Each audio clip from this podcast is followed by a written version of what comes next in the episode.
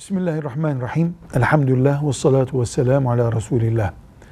Kasap olmayanın kurban bayramında kesilen veya başka zamanda kesilen hayvan üzerinde acemiliğini gidermesi, yani kasaplık öğrenmeye kalkması caiz değildir. Bilen, denemesini hayvanın dışında bir yerde yapan, bıçağını daha önce biletenler kurban kesmelidirler. Hayvana eziyet etmek, bir nevi insana da eziyet etmek gibidir. Hayvanı yaratan Allah ona eziyet etmemize izin vermiyor.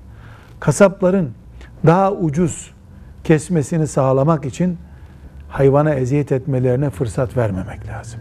Velhamdülillahi Rabbil Alemin.